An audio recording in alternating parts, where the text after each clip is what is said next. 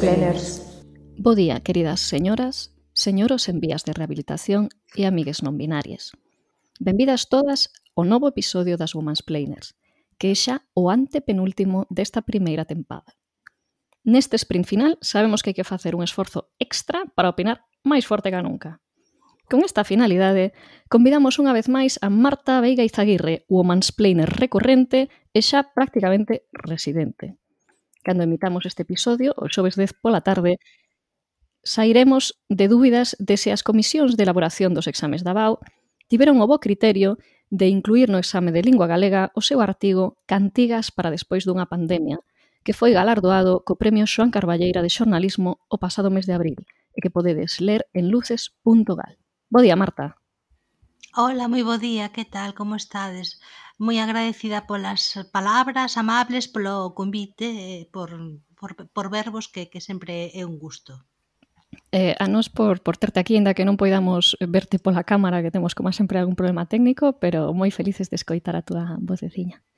Tamén está connosco a Sara, que o pasado luns me deu unha malleira en directo no quiz de Ecos de Xigantes e que confiamos en que vai a representar as Women's Planers na gran final destes cracks do Twitch. Hola, Sara. Bo día, malvada profe. O da Malleira é cuestionable, que a ti tocaronche as preguntas máis difíciles. Non, non, non, máis difíciles non era a Sara eh, é dicir o, o jañado jañado está ao César, o que do César e aquí o César este. Benvida tamén outro domingo a Saburidiña, que finalmente vendeu o seu vestido de tomates no Vintit, pero aínda ten unha chea de prendas á venda, todas moi estilosas e con diversos graos de anobregonismo. Bo día, Sauridiña. Ola, bo día. Ainda estades a tempo de ver o meu perfil en Vinted porque eu non quero un Twitter de persoas vestidas de quechua, así que xa sabedes. Por último, está connosco, como sempre, o noso señor o residente, o Janito, que esta semana vai recibir a vacina da COVID e nós non podemos alegrarnos máis. Ola, Janito. Moi boas a todas. A verdade que eh, vai haber dous momentos de gran alegría. Unha, eh, recibir eh, a inmunización contra o COVID e poder empezar a lamber barandas por aí adiante. E segundo, comprobar se a xente da miña corte ten este aspecto eh, lozano e juvenil, como ben decía outro día Edu Estevez, que podo comprobar no mesmo local en directo a xente a miña idade que tal se conserva. sí, por desgraza, eh, eu que vou recibir, por certo, mañá a segunda dose da AstraFaneca, ou como lle chamou unha señora que me contaba outro día un rapaz que é taxista no, no, eh, no Twitter, no Ali Twitter, dicíame a, a Astra a estratégica. A mí me poñer mañá a segunda dose da estratégica e o único que vou poder comprobar é o mal que veste a xente de, do meu gremio, independentemente de se son novos ou vellos. Eh, Entón, Janito, que dúbidas e preguntas ocupan hoxe a túa linda cabeciña de señoro que che poidamos aquí resolver entre as catro? Pois penso que hoxe podíamos falar de transporte público. Bueno, transporte en xeral e eh, transporte público en concreto. En concreto, respecto de, do tema de xénero e, e transporte público, debería haber medidas para adaptar o transporte público ás usuarias que que máis o empregan, que realmente que son, son as mulleres, por exemplo, para empezar? Malvada profe. Eh, sí, eu atreveríame a reformular esa pregunta eh, dicindo teñen, deben ter os homes dereito a empregar o transporte público? eh, discutamos isto baseado nas nosas múltiples experiencias como usuarias de, do transporte público. Eh, quere algunha contar algunha anécdota eh, respectivo ao feito de, de ter que convivir con homes en, en autocarros, eh, trens e demais? Eh, Sariña, que nos contas? Eh, se queredes empezo eu, porque eu creo que son das que máis usa aquí o carro, das que máis conduce. Entón, o transporte público non o utilicei moitas veces na miña vida, pero aínda así eh, tiven certos problemas con homes, porque teñen unha tendencia como a, a invadir os nosos espazos sen preguntarnos e sen preocuparse porque nos poidamos sentir violentadas. E eu eh, lembro que unha vez eh, nun autobús de cedo cedo, eh, en plan da, das seis e media ou a sete da mañá, eh, Compostela Coruña, iba o autobús prácticamente baleiro e eu estaba nun, sentada nun asento ao carón da, da xanela do autobús. E é un señor maior, pero maior de 70 anos, unha cousa así, e voume preguntar se se podía sentar ao meu lado. Eu, eu claro, eu non sei, eu tiña 18 anos, non sabía moi ben como contestarlle, simplemente pasei do tema e dixen en plan, bueno, vale, e sentouse ao meu lado, aínda que eu eh, viase claramente que non tiña gana ningunha de que se me sentase aí o señor, e estuvo todo o camiño falándome, dando unha chapa sobre cousas de psicología e non sei que máis, que a mí non me importaban nada, en plan, señor, eh, que si quiere bolsa, o sea, déixeme en paz, por favor, eh, que ninguén lle pediu que se veñase sentar aquí a contarme ninguna das súas movidas. Eu eh, sei que hai mulleres que viviron experiencias moito máis graves porque tamén, claro, eu a utilizar tan pouco o transporte público. Non tiven, e por sorte, pois a oportunidade de vivir moitas destas experiencias, pero vamos, que incluso así, utilizando o transporte público en contadas ocasións, xa me tocou eh, algún home que lle encanta invadir o noso espazo persoal. Eh, saboridiña que nos tens que contar? Pois tería que contar moitas cousas porque mm, veño aquí a afirmar outra vez o meu padronesismo. Padrón é un sitio perfecto se queres vivir e non conducir porque tes dúas liñas de autocarro e outra de comboio que te comunican con núcleos importantes, entón podes ir de transportes, eh, eu que sei, a Coruña, a Vigo, a Pontevedra ou a Compostela, E sumado a iso, eh, o facto de que eu non conduzo, pois usei e uso moito os, os transportes públicos. Que significa isto? Pois que xa me cuspiron, xa me vomitaron en riba, xa se masturbaron ao meu lado, xa me tiraron algunha fotografía cando eu levaba saia eh, das partes que teño entre as pernas, pois moitas cousas por aí. Entón, eh, se voltamos á pregunta anterior, deberían os homes ter dereito a usar o transporte público? Pois deberían con resalvas, é dicir, eh, os homes heteros deberían ter aínda máis, os homes cis heteros deberían ter aínda máis resalvas, eh, gostaría que entrasen nos transportes públicos con certas eh, cousas de educación bastante claras, eh, hixiene corporal, por favor, eh, que houvese esta práctica de higiene corporal todos os días, unha ducha ao día non, non fai mal, e estamos todos respirando o mesmo aire, porque claro, tamén mm. eh, durante dous anos estiven usando o mesmo transporte eh, para ir traballar de, de Santiago a Padrón, E entón aí, pois, ia con moito traballador de carpintería metálica. Entón, señores traballadores de carpintería metálica, que eu xa sei que ese, ese traballo é moi duro, eh, seguramente teñen, tivesen que madrugar tanto como a, como a min, pero, por exemplo, eh, Candy Crush a todo meter a sete e media da mañán non e cheiro corporal a sete e media da mañán tampouco. Vai, da profe. Sí, eu agora pensando nos aspectos máis eh, menos chuscos e máis graves dos que estaba a falar Saboridiña, acabo de lembrarme dun vídeo que circulaba estas dúas semanas últimas pola rede, que era eh, un, un vídeo dunha cámara de seguridade dunha estación de, de tren, eh, creo que de tren de cercanías no, no Reino Unido.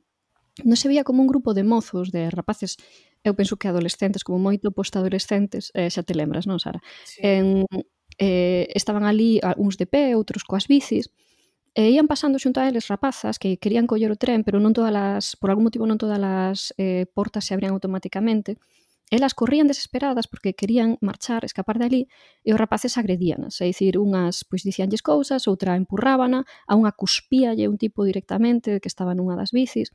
E todo isto, por certo, coa presenza dunha persoa que non sei se era de seguridade ou de limpeza outro home que non actuaba que eu tamén entendo por outra parte que quizáis non actuase, non sei se era o seu traballo, quizáis non fose, fose persoal de mantemento e non de seguridade. En calquera caso había tal vez cinco ou seis rapaces ou máis, non lembro, e, e ele estaba só eh, eh, ante a posibilidade de, de defender estas, estas nenas non que, que pasaban. Era en toda a regra un crime de odio, un crime misóxino, é dicir, que só se entende desde o punto de vista de, de homes que invaden eses espazos co desexo de facerlle mal ás mulleres, non? Porque non, é dicir, non era ni sequera, bueno, un señor que pudese malinterpretar unha, unha situación de que igual a ti si que che apetece o palique ou non che apetece, non? Sino que eran, eran puras agresións, era pura violencia, non? Contra elas. Eu eh, non uso moito o transporte público, a pesar de non ter carro, porque como me criei en Vigo, estou afeita a camiñar moito. E ademais costa arriba. Entón, todas as cidades onde vivín despois, mesmo a única onde vivín que máis grave, que, que máis grande, que é Zaragoza, eran moi eran sitios bastante chans, Zaragoza é completamente chá, entón, pois nada, pois até 10 km fanse ben a pé. non, non ida, o sea, quero dicir, 10 en total, que 5 de ida, digamos. Entón, eh, non collo moito o, o transporte público, pero eh, as miñas primeiras experiencias de, mm, ou o meu primeiro contacto coa co acoso sexual ou coa posibilidade de acoso sexual ou incluso agresións sexuais foron no transporte público en Vigo. Porque había un sitio eh, en Vigo onde non dabas chegado a pé nun tempo razoable, que era a praia, eh, para ir a Samil ou sobre todo a mm, um, Obao, que estaba un pouco máis lonxe. Entón, iso xa eran pois 7 km, 10 km, tiñas que coller, eh, tiñas que coller o vitrasa. E entón eu lembro, eh, eu moi inocente, pois con 12 anos ou así, pero claro, con 12 anos pois xa tiña máis ou menos o corpo que teño agora, que non un corpo de mullerón, pero que, bueno, pois xa chamaba por desgraza a atención de algún de algún home adulto, non? E lembro que sempre había pois a curmada algunha amiga da miña idade, a irmá maior, algunha amiga nosa un pouco maior, que nos dicía que cando íamos para Vitras e dicían "Ustedes cuidado que están aí, que sempre hai algún vello verde. E entón eu aí de, descubrín o que eran os vellos verdes, non? A nosos vellos verdes eran agresores sexuais, en realidade, pero nós non estábamos educadas para percibilo así aínda, non? Eran señores que, aper que aproveitaban o feito de que íamos apertados como sardiñas en lata, ali no, no vitrasa, días de moita calor, as rapazas pois con pantalóns curtos ou con saias curtas, e que se che pegaban ou intentaban tocarche as coxas, ou o cu, ou que che pegaban a entreperna, e dicir cousas que eu ni sequera entendía, que, que puides, que porque o facían, non, eu non entendía a lógica daquilo, pero sabía que se había algún señor maior, que claro, bueno, maior para non será pois calquera maior de 25 ou 30 anos, que tiñas que afastarte, non? Que tiñas que intentar sentarte lonxe deles ou colocarte lonxe deles. E, e de feito, unha cousa que facíamos que hoxe pode parecer bastante rara e eu, bueno, quizáis non fose o último o único motivo, pero era un deles é que a min me gustaba ir eh, á praia para chegar canto antes eh, en Vitrasa, pero que despois para voltar, normalmente voltaba andando, é dicir, desde esa mil que agora o pensas, eu vivo pois no vivía no centro de Vigo, na rúa Venezuela, cruce con Gran Vía, que son, pois supoño que non sei, 6 km ou por aí, imagino.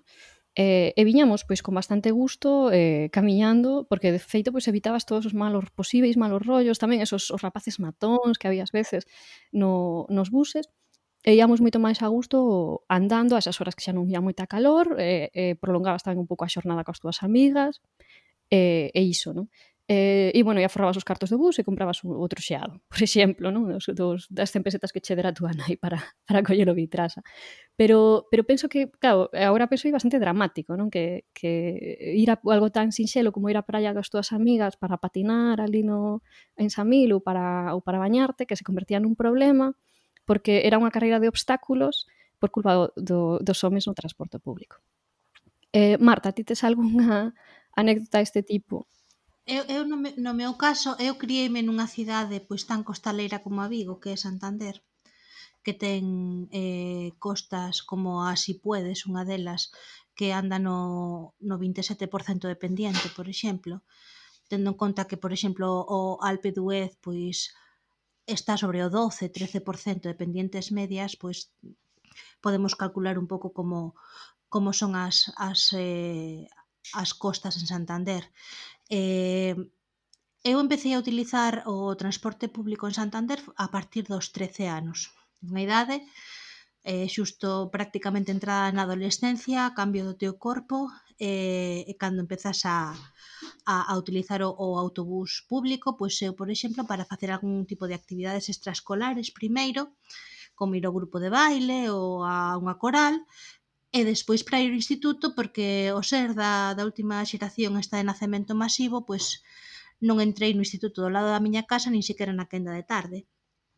Entón, pois me tocou ir a un instituto bastante, bastante alonxado eh, do, do meu domicilio Eh, ali foi cando algunhas das miñas compañeiras que tamén lles tocaba facer esa liña eh, me aprenderon, eran as malotas, as repetidoras e as tripitidoras que eu sempre fui un pouco fata de adolescente, pero ah, por algún tipo de razón estas rapazas a min colleronme así debaixo da e me, me cuidaban e me e, e, e, eu creo que ese primeiro inicio de sororidade eh, así quizáis inconsciente eh, de forma máis eh, máis irracional, máis visceral, sin sin ningún tipo de, eh, de idea aínda non sobre, sobre que cuidarnos entre nós de forma pois eso intelectualizada e aprenderonme a poñer imperdibles na mochila para que non se achegasen os, os babosos que era unha forma de, de protexerse e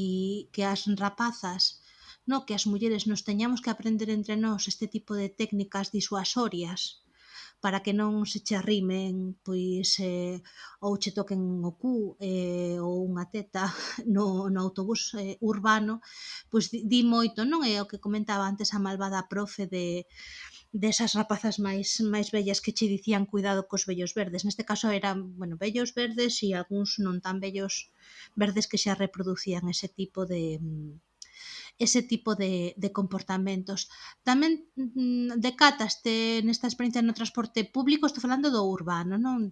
Despois os, as experiencias no transporte de, de liña, tendo en conta que o Alsa Santander-Santiago mm, me levaba 11 horas, imaginadevos o que o que podes contar aí pero digo que despois daste conta eu, por exemplo, no, no, en, xa en, en, en terceiro e en COU coincidía na miña parada con un compañeiro, un amigo rapaz, home E desde que te vien acompañada por outro tío, por un tío no autobús, descendía o nivel de de agresividade e de, e de intentos de, de tocamentos e sobeteos e demais que é unha idea de que o mellor xa terían propiedade de outro tío, eu non sei exactamente como funcionaban ese tipo de mentes, pero funcionaba un pouco un pouco así, non sei se vostedes tamén unha experiencia semellante neste caso. Malvada profe. Agora que dixeches o da sororidade entre rapazas, lembreime, non pido evitar lembrarme dunha serie, non sei, seguro que a coñecedes, non sei se a vestes todas, que Sex Education, que sai en Netflix. Mm. sí, pois eh, hai ese capítulo precisamente que o, eh, o capítulo para min da sororidade, non? En que unha delas sofre unha agresión sexual dun home que se masturba ao seu lado eh, no, nun, nun coche de liña que ten que coller, creo, de feito, para, non lembro se para ir á cidade ou para ir ao instituto, pero que ten que collelo porque realmente se non ten que camiñar moito e a rapaza desenvolve, unha rapaza que polo demais bastante botada para diante, desenvolve unha especie de fobia ao transporte público, non? E despois pois acaba facendo a, a ruta acompañada por, por todas as súas eh, amigas, que son perfectamente conscientes do que do que la pasa, porque aínda que non sexa explícito, é obvio que a todas lles pasou algo semellante nun grado maior ou menor. Eu non lembro a primeira vez que me pasou algo así. Lembro dúas anécdotas moi concretas.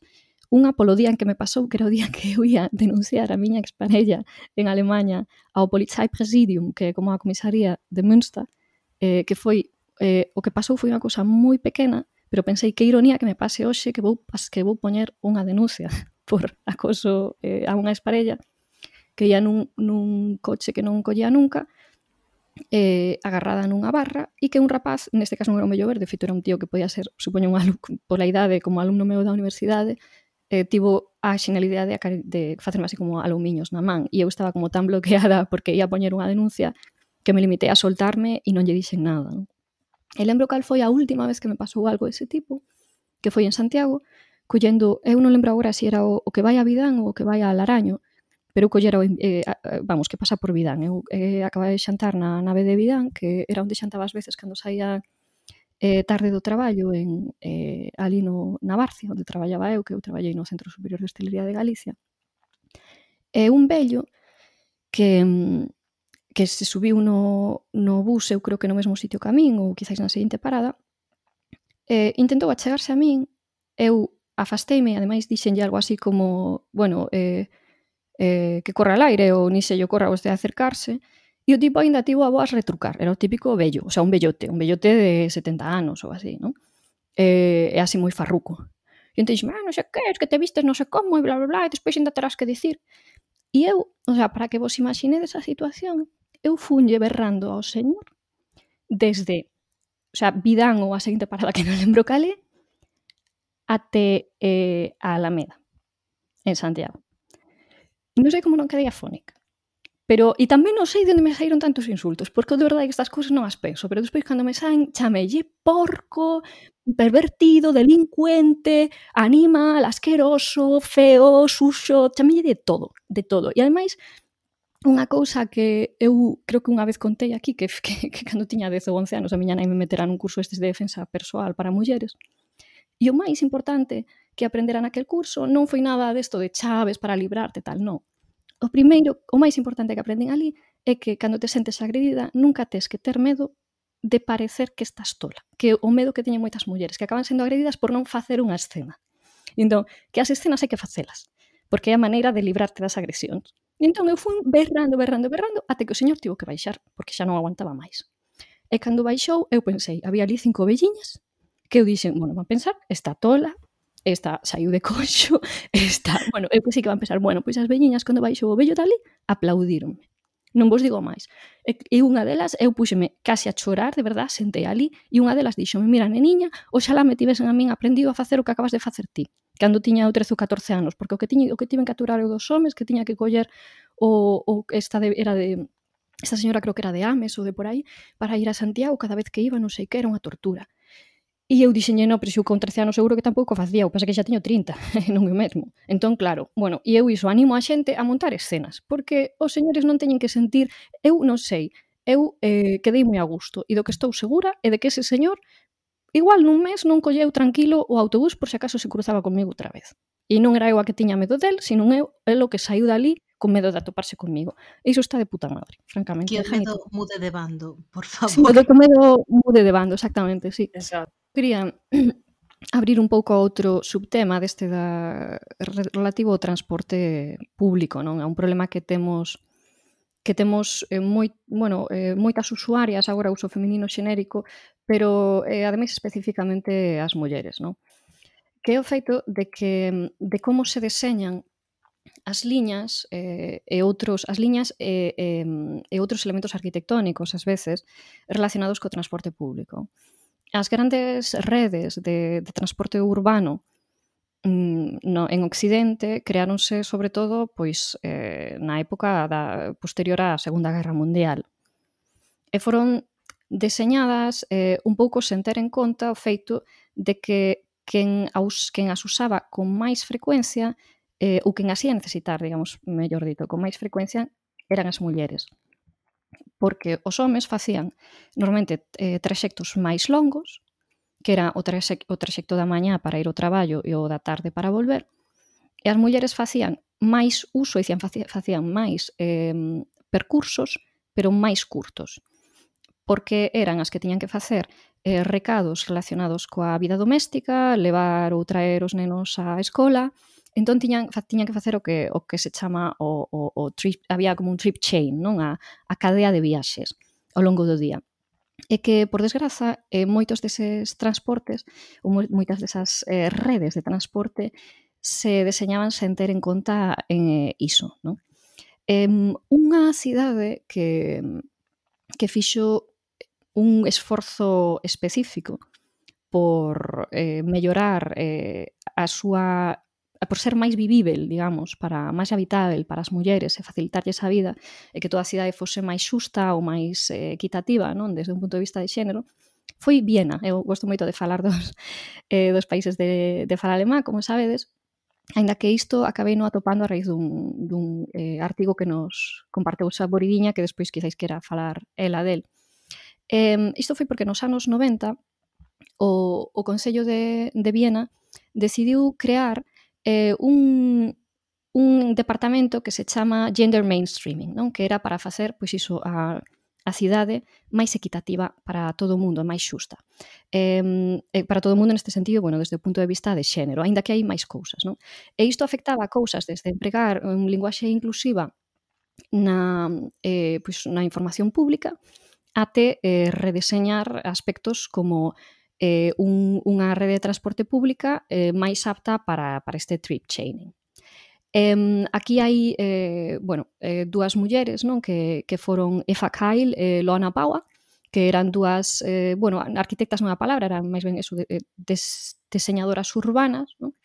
que axudaron a, a crear este, este departamento e a, e a redeseñar certos aspectos da, da cidade de Viena. A día de hoxe, eh, isto é algo que, bueno, é un pouco lateral, pero acabei eh, dando con eses datos, o desemprego das mulleres en Viena é eh, cinco veces menor, é dicir, o, mellor dito, o desemprego das mulleres non, o, eh, o gap, o, a fenda de desemprego das mulleres respecto dos homens en Viena é cinco veces menor que no, eh, no lante, dicir, na rexión autónoma eh, con máis desemprego de Austria. É dicir, en Viena é moito máis doado para as mulleres traballar. É certo que diredes, pois é a capital, acumula máis riqueza, isto tamén é certo, lóxicamente. Pero un dos maiores problemas para as mulleres que traballan en zonas máis rurais é que eh, non, moitas veces non lles compensa traballar porque perden demasiado tempo en desplazamentos para a súa vida doméstica e para a súa vida familiar, da que se fan cargo elas nunha, eh, nunha medida moito maior que os seus homes, eh, e que, bueno, por ese motivo, pois económicamente acaba compensándolles non, pois non traballar porque non teñen unha maneira de, de desplazarse de, de xeito barato e eficiente. Saboridiña, queres falar ti do, do artigo que nos compartiches outro día? Sí, pois era un artigo que trataba sobre o urbanismo feminista que foi aplicado en Viena e mm, un pouco enlaza co que introduciches ti, pois preguntáronlle a varias mulleres como elas percibían a cidade e como a cidade podería ser mellorada, porque Viena anteriormente a estas medidas tiña unha visión moi, non sei se dicilo, carrocentrista, eh, iso afectaba moito a, ao convivio ou a como as persoas eh, vivían cos carros, co barullo e a seguridade mesmo que, que as mulleres percibían ou non. Entón mudouse completamente o modelo de, de cidade. Parece ser que, polo que dio o artigo, nun primeiro momento custou un pouco, como, non sei, penso que temos un modelo como de Pontevedra, onde tamén podedes ver que ao principio había certa rexeizón, e hoxe é usado como modelo de pois, cidade onde se pode andar, onde se pode desfrutar da rúa, pois en Viena máis ou menos aconteceu o mesmo, e hoxe existe certa armonía entre quen camiña a pé e é muller e pode sentirse eh, pois mm, eh, concerto a cubillo dentro da, da rúa e quen usa o, o carro, non?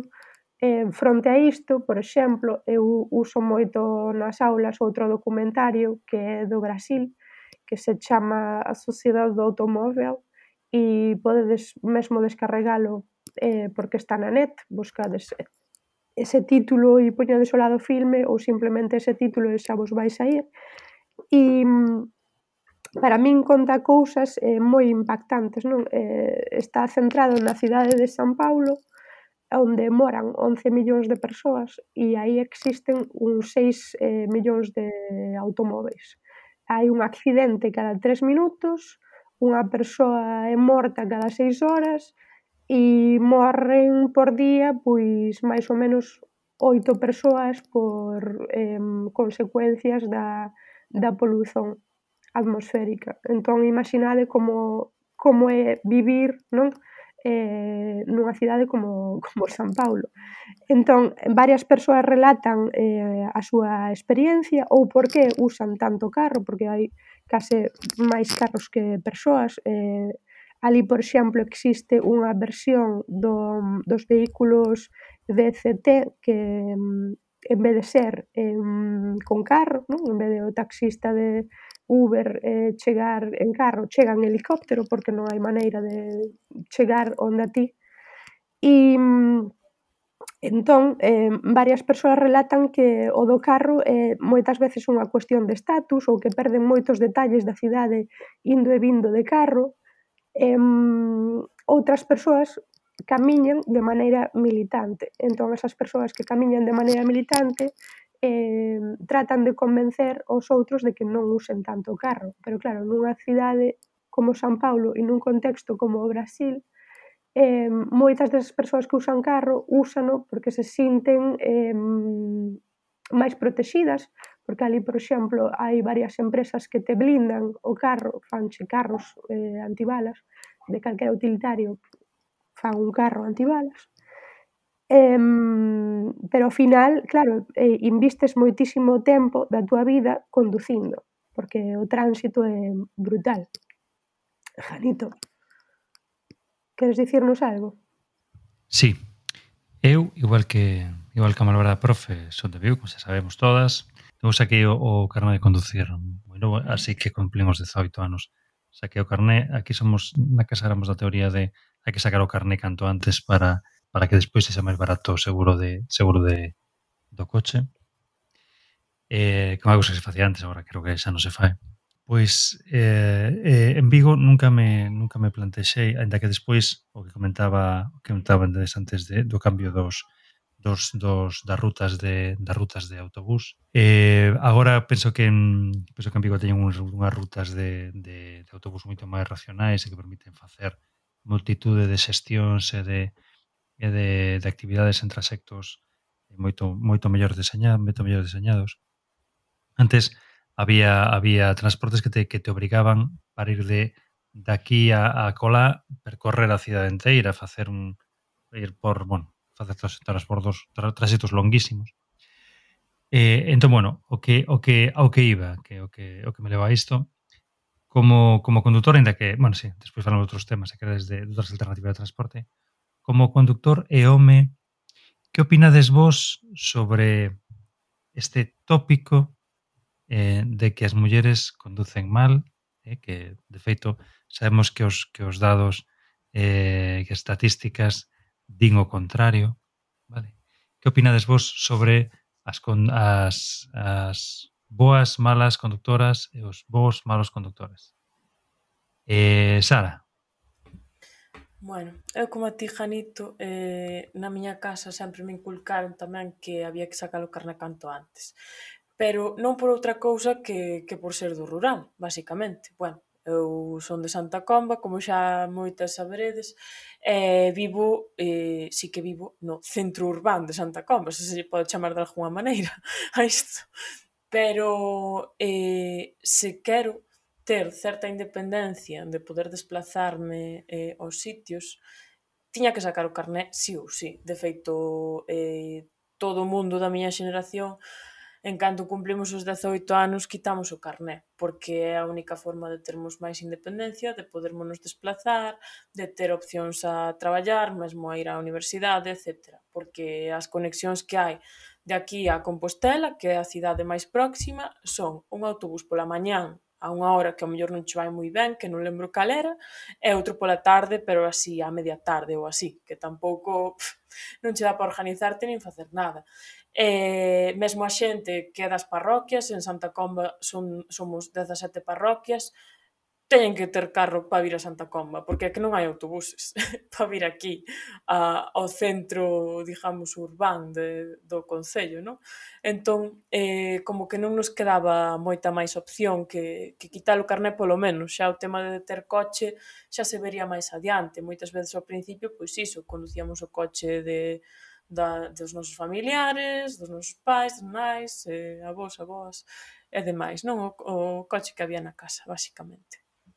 Pero, bueno, respecto ao que dis de quen é o mellor conductor ou peor conductor, os homens ou as mulleres, eu teño que dicir que aparco moi ben, perdón, pero tiña que presumir disto porque aparco xenial e ademais conduzo xenial, eh? é algo que case case teño que poñer no currículo, pero eh, a ver, as estatísticas din que os homes eh, son máis imprudentes a nivel penal. Quero dicir, teñen máis accidentes por eh, conducir con velocidade excesiva, por ir baixo efectos de alcohol e drogas, pero bueno, eh, isto tamén nos eh, separa un pouco mm, eh, os roles de xénero que hai, non? Os homes como que se ven máis envoltos e máis criados na cultura da violencia en xeral, en ser o, o máis forte, o máis valente, o máis non sei que, o que máis rápido conduce no coche, é o que lle dá igual e, ir borracho, porque claro, el controla e non pasa nada, non?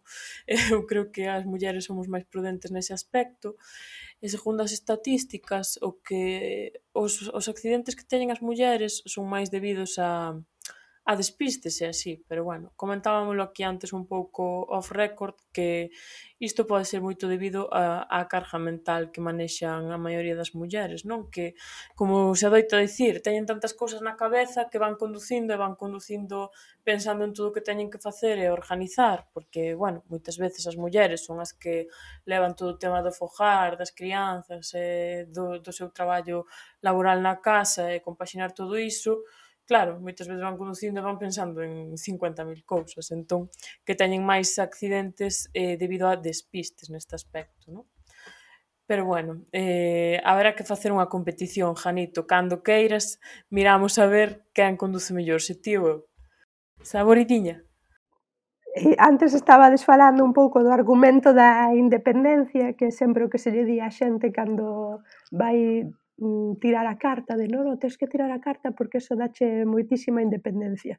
Eh, a ver, amigas, independencia dábola non ter fillos. Iso é o que vos fai máis independentes. Xa vos lo digo eu, porque levo 39 anos, aínda non teño 39, pero vou facer 39, eh, sen conducir, e cando me sentín máis dependente do mundo é cando fun nai, que non levo nin ano e medio sendo nai. Entón, isto dígolo porque a xente que conduce, cando eu moraba nas Hortas, que eu morei nas Hortas en Compostela cinco ou seis anos, viñame visitar, e eh, antes ligábame ao telefone e dicíame, ah, e entón onde estaciono? E eu dicíalle, vamos a ver, e eu que sei onde estacionas ti? Ti saberás, ti esa persoa independente que conduces, pois saberás ti estacionar, eu non che vou dicir onde estacionas que eu non conduzo, pois búscate na vida, amiga, eu que sei, non sei onde vas estacionar. Entón, moitas veces ese creo que tamén un mito o da independencia porque hai veces en que a xente despois está eh, moi obsesionada con onde vai estacionar. Entón, tes outra cousa que de, depende de ti que é unha máquina que tes que deixar nalgún lado, que tamén gostaría eu de falar de canto ocupan os carros na vía pública, que eu xa sei que se pagan impostos, pero eu tamén pago impostos cando compro unha máquina de lavar e non a poño na rúa, por exemplo, a ocupar espazo. Entón, eu, como eu tiña independencia, pois eu, eu traballei facendo sustitucións na, no ensino público moitas veces e eu non tiña outra que eu moverme de transportes públicos ou morar nos sitios onde traballaba.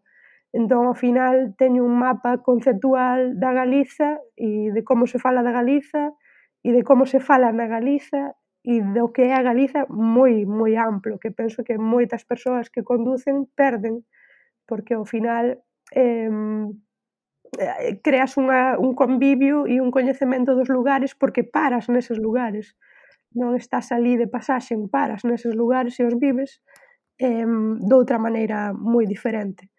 Eh, tamén gostaba que a malvada profe falase disto, porque eu, por exemplo, non sei se o contei aquí algunha vez, eu tirei a carta só para manter a miña honra porque unha vez que as persoas preguntan cantas linguas falo ou cantos estudos teño, em, despois, eh, cando confeso que eu non conduzo, parece que todo ese currículum se me ven abaixo, porque se non conduces eh, tes como unha especie de tara ou minusvalía intelectual que, que non sei, eh, algo pasa aí contigo porque, porque non conduces.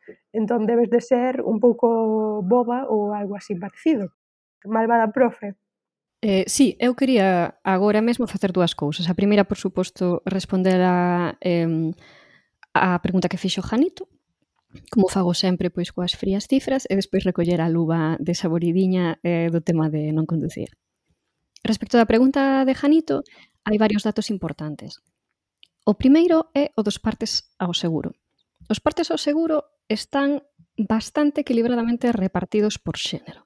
De feito, son lixeiramente, lixeiramente superiores no caso das mulleres, pero, Janito, non saltes aínda da alegría, porque, aínda que o 53% dos partes aos seguros son de mulleres e o 47% de homes, as das mulleres son por asuntos normalmente moito menos graves. As mulleres son máis despistadas en cousas relacionadas co mantemento do vehículo É dicir, eh, pois, eh, si, eh, intermitentes que están estropeados, o coche que perde non sei que por non sei onde, ou como sabedes, non, como vedes non sei nada de mecánica, entón digo generalidades, como se soubese do que estou falando, pero quero dicir, para mí un coche é como unha nave espacial, non, non teño ni puta idea como funciona, ni me interesa nada, ademais. Eh, Pero eh, hai eh, outros datos moi interesantes que teñen máis que ver co que, co que contaba antes eh, Sara, e son o tipo de accidentes máis típicos en ambos sexos. Eh, os, no caso dos homes, os accidentes máis frecuentes teñen máis vítimas, porque son eh, atropelamentos, eh, volcaxes, colisións frontais, que non é difícil imaginar que ten normalmente pois máis vítimas eh, con lesións ou con falecementos. E no caso das mulleres, De novo, estamos os despistes, esta cousa que as mulleres estamos sempre a varias multitasking, a varias cousas ao mesmo tempo. Os accidentes máis habituais son as saídas da vía.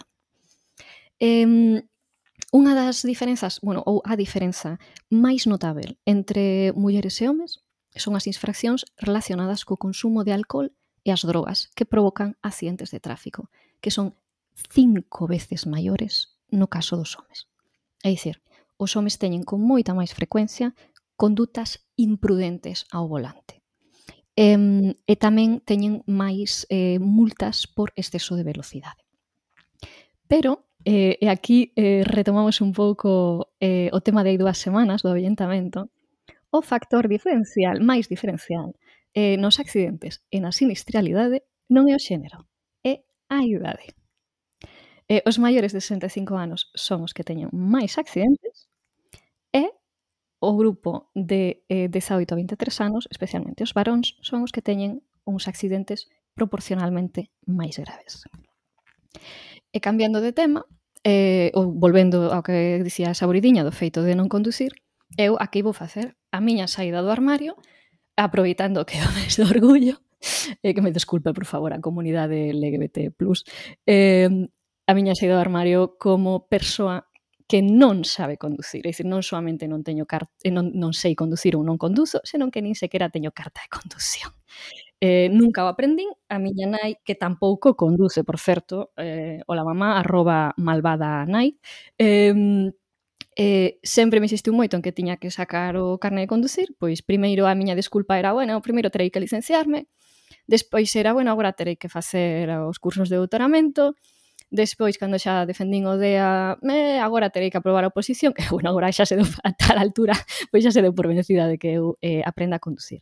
Eh, teño que dicir que na miña non conducción hai unha parte pequena, non moi grande, eh, de fobia, eh, a, e outra máis ideolóxica. A de fobia mm, non teño moi claro con quen ten que ver unha cousa creo que cun accidente moi grave que presenciei ou medio presenciei cando era pequena aí no coche de camiño á aldea e vi un accidente onde un coche quedara completamente calcinado con dúas persoas dentro, que eran os pais dun neno a quen eu vin, e, e dicir, para min o chocante non foi ver o coche, senón ver a cara do neno mirando o coche onde acaban de arder completamente seus pais, que era un neno pois da miña idade que ia ter seis ou sete anos daquela, eh, que a elo sacaran a tempo do coche pois porque tiveran un choque diante dun, dun restaurante. Non me lembro a que altura era, pero bueno, podía ser Cuntis, poñamos por caso, era de camiño a, a Ponteulla. Eh, e outro feito de que o, o meu irmán maior morreu nun accidente automobilístico cando tiña 12 anos e iso penso que tamén me determinou un pouco a que lle teña, e a mesmo un, un accidente moi, mm, quero dicir, no centro da cidade e tal, iba en moto, mala sorte, pero tamén me provocou pois certa eh, fobia aos vehículos de motor. E despois o asunto militante, entendo que non teño que explicalo, vos sabedes que eh, despois de, dicir, bueno, non, despois de nada.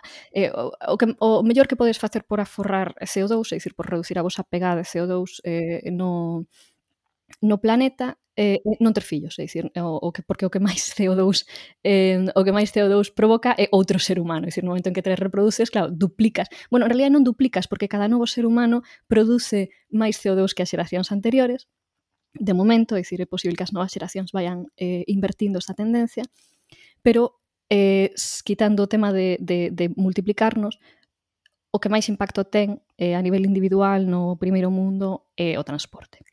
Entón eu, por militancia, decidín renunciar a ter coche.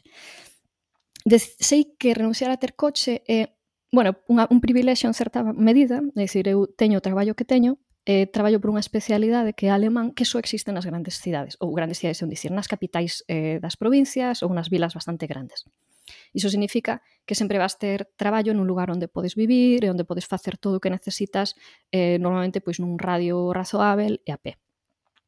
Eh, ainda así, eu vivo fora de Galicia e agora mesmo pois os meus traxectos a Galicia pois son de case 5 horas ou 5 ou máis de 5 horas, dependendo de onde marche. Eh, de onde quera chegar. Eh, teño exactamente un tren o día, vale, para ir. É dicir que, obviamente, exixe cada desplazamento planificación, comprar os billetes con tempo, non hai espontaneidade posible. Pero bueno, para min unha renuncia que ten sentido. De feito, eu sempre pensei o seguinte, que era no momento en que teña fillos, eh, sacarei o carné de conducir. Agora, como xa sei que non vou ter fillos, entón xa o tema do carné de conducir eh, desapareceu. Porque eu entendo que, obviamente, unha persoa que fai os mesmos traxectos que a min cun, cun bebé, eh, pois non os, non, moitos non os pode facer, porque iso a cidade é pouco amável eh, moitas veces para os carriños, este tipo de cousas, e despois, unha vez que a crianza xa non vai no carriño e ten igual 4 anos, pois, un, claro, unha persoiña tan pequena cansa moito, non pode facer eh, un, un traxecto de 4 km a pé, eh, así polas boas, como pode facer un, unha adulta, non?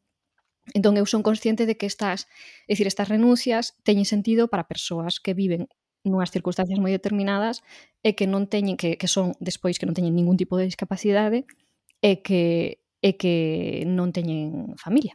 Claro, eh, ou sea, de, tanto pe xente pequena como dependentes maiores ao seu cargo. É dicir, eu isto entendo que é así.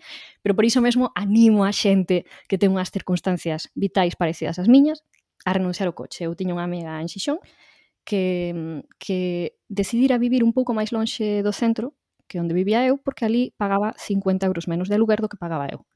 Pero claro, necesitaba coche para todo. Entón, entre que pagaba a letra do coche, eh, entre que pagaba a hora, porque creo que non, o garaxe, e despois a hora cando viña ao centro, eh, o seguro do coche e tal. Unha vez fixenlle un Excel e a súa vida sería máis barata collendo un taxi cada vez que collía o coche do que era manter aquel coche en Xixón. Eu recomendo vos que se tedes coche, fagades un Excel como ese, e decidades se vos compensa se vivides nunha cidade seguir usando o coche ou se pensades que podedes eh, cambiar a vosa vida e eh, vivir sen el.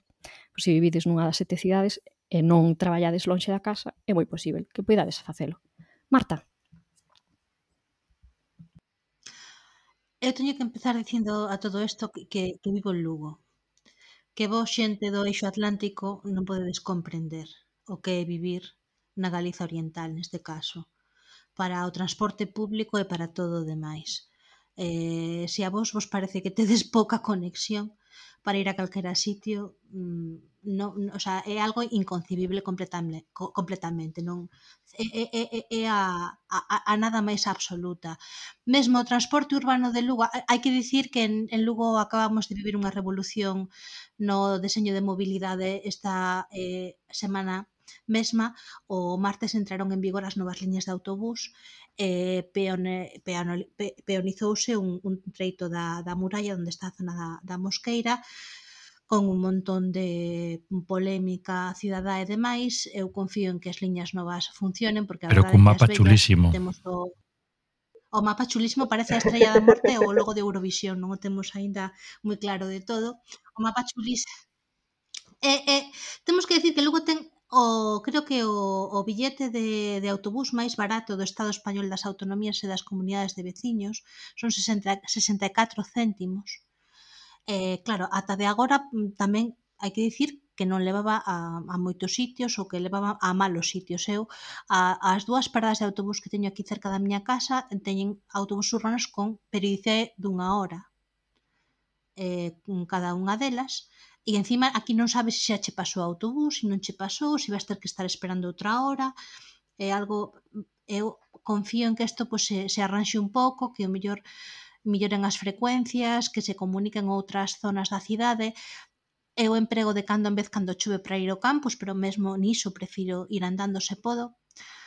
Eu son unha persona a que lle costou máis eh, esforzos e máis cartos sacar o carne de conducir que a carreira. En cartos moitísimo máis e en desvelos e esforzos teño que decir que prácticamente. Eh, fixen case 60 prácticas, aprobei a cuarta o, o, o práctico, e eh, pasei no realmente mal. Eh, tiven que volver á autoescola eh, cando, eh, cando mm, me vin obrigada a volver conducir unha vez en Lugo, porque mm, penso que desenvolvín hasta certa maxofobia, que como lle chaman o trastorno pois de, de terlle medo a, a conducir. E aínda hoxe eh, conducir en cidades grandes, e, o sea, Lugo aínda me serve, eh, as, as autovías, as autopistas e sobre todo os viaductos me mete bastante respeto. Eh, procuro conducir o mínimo posible, pero aquí en nesta mellor provincia é moi, moi, moi complicado non ser condutora, por moita militancia que queiras facer. Sobre todo se si te ves pois nalgún momento da túa vida pois co, co, coa necesidade pois de, de ir facer algún tipo de eh, traballo de cuidados pois ás aldeas da proximidade e demais, tamén por temas laborais é, é imposible, porque ao final se eres unha persona sen, sen coche, non solamente conducir, sino ter un coche de teu, que eso aínda é peor.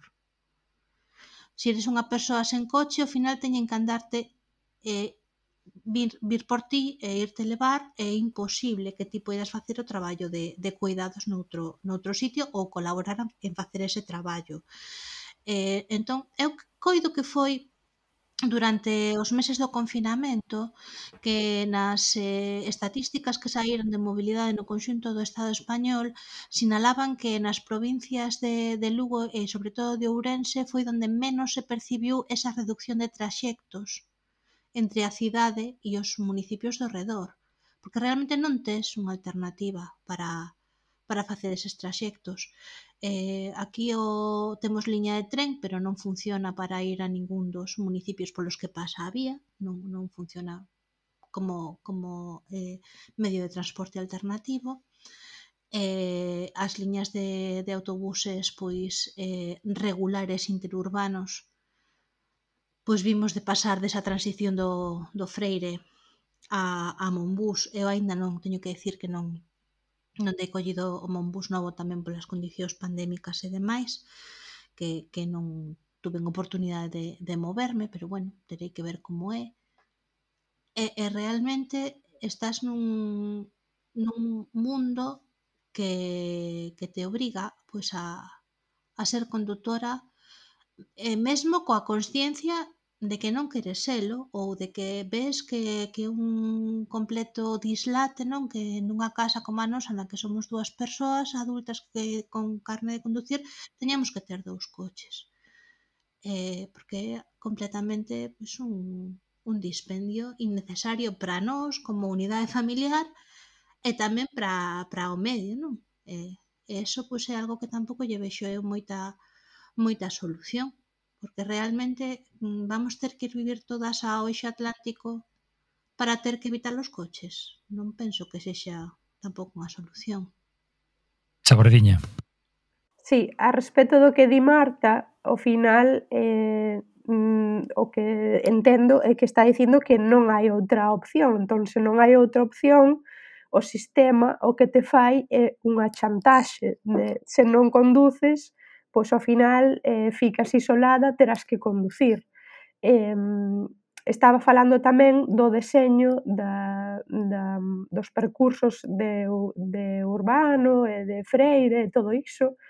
E eu quero denunciar aquí que eu considero que quen deseña todo isto é un perfil de xente que os 18 tirou a carta de conduzón, nunca máis usou o transporte público e son os que nomean para, para facerse cargo dos transportes públicos e ao final estamos padecendo as usuarias eh, cousas tan disparatadas como que nas paraxes de autocarro, por exemplo, as paraxes sexan feitas todas de pedra e o condutor non te vexa e ti non vexas o condutor.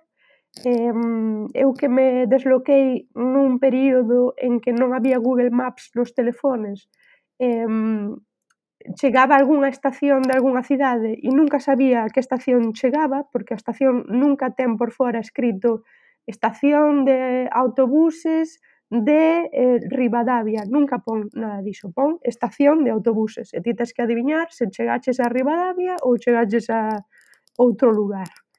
E despois todas as estacións non teñen acceso fácil, e moitas teñen escadas e se levas malas que teñen rodas ou se ti tes algún tipo de deficiencia motora, pois aí xa che vai mal a vida.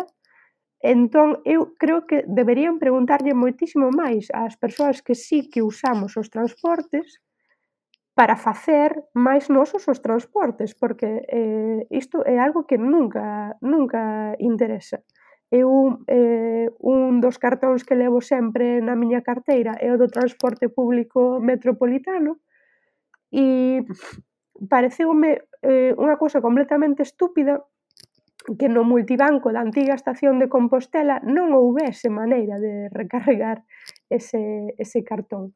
E, por exemplo, na Guarda, que non hai transporte público metropolitano, no banco de a banca de a guarda eu sí que pudese eh, recarregar ese cartón. Entón, hai unha serie de disparates e de non coordinación onde se evidencia que quen está por trás deste deseño non é a persoa que usufrui estes eh, servizos. Sara? Nada, eu quería engadir soamente ao que dixo antes Marta que nin vivindo no eixo atlántico moitas veces podes safar sen ter coche. E eu antes comentaba un pouco da independencia que dicías ti, Carme, que é un pouco unha trampa.